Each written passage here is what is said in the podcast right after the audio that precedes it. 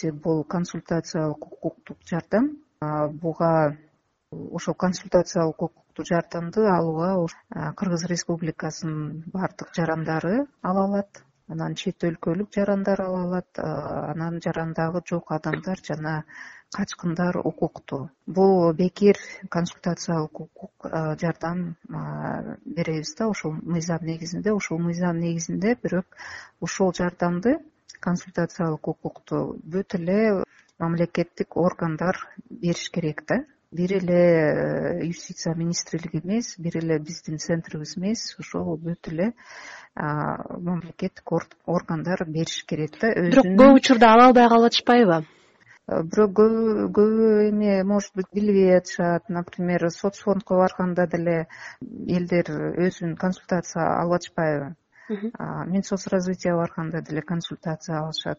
Же биз э, бизге например адамдар кайрылганда жөн эле консультация алабыз дегенде эгерде биз суроо жооп менен э, билебиз да биздин маселе эмес болсо например соц фонддун пенсия боюнча маселе болсо биз ошол соц фондко ошол адамды жөнөтөбүз сиздерге кайрылгандар кечиресиз. Эң көп кандай э, проблемалары менен келип жатышат? Кандай көйгөйлөр бар? Ну бизде эң көп проблема бул по вопросам семейным. Анан э, паспорт алуу жөнүндө свидетельство о рождении алуу жөнүндө көп кээ бирлер э, аялдар келишет. Өз убагында свидетельство о рождении ала албай ала албай калдым деп анан кандай алам деп азыр ошондой маселе менен да келип атышат. Например э, аялдар э, жалгыз болуп калышты.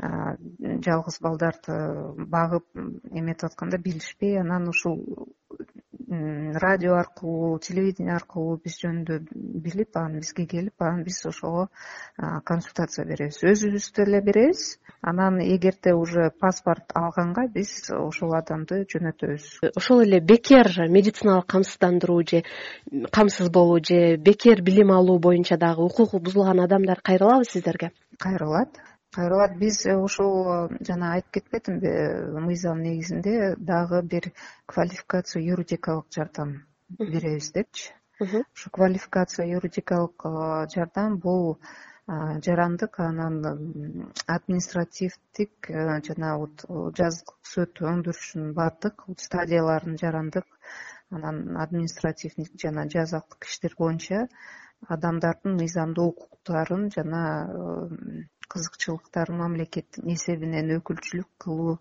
жана же коргоо боюнча адвокаттын кесиптик иши то есть бизге эгерде ушул мыйзам негизинде жарандарыбыз укугу бар болсо биз э, бекер э, иштеп берген ага адвокатты э, биздин центр аркылуу дайындап беребиз да.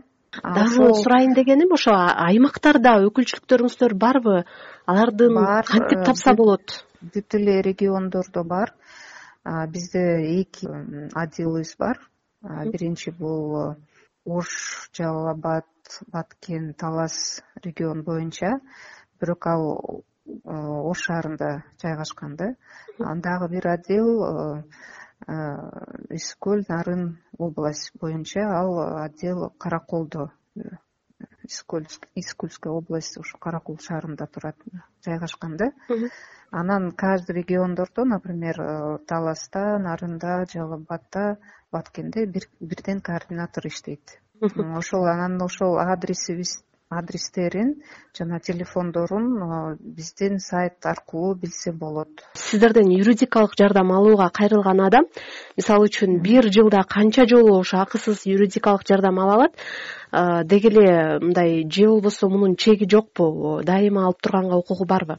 Эми дайыма алып турганга как бы укугу бар анткени эгерде э, башка бир иш болсочу например и мыйзам талаптарга если он отвечает анда ала алат да например ушул мыйзамда каралган ушу квалификация юридикалык жардамды алууга кайсы адамдар алышат.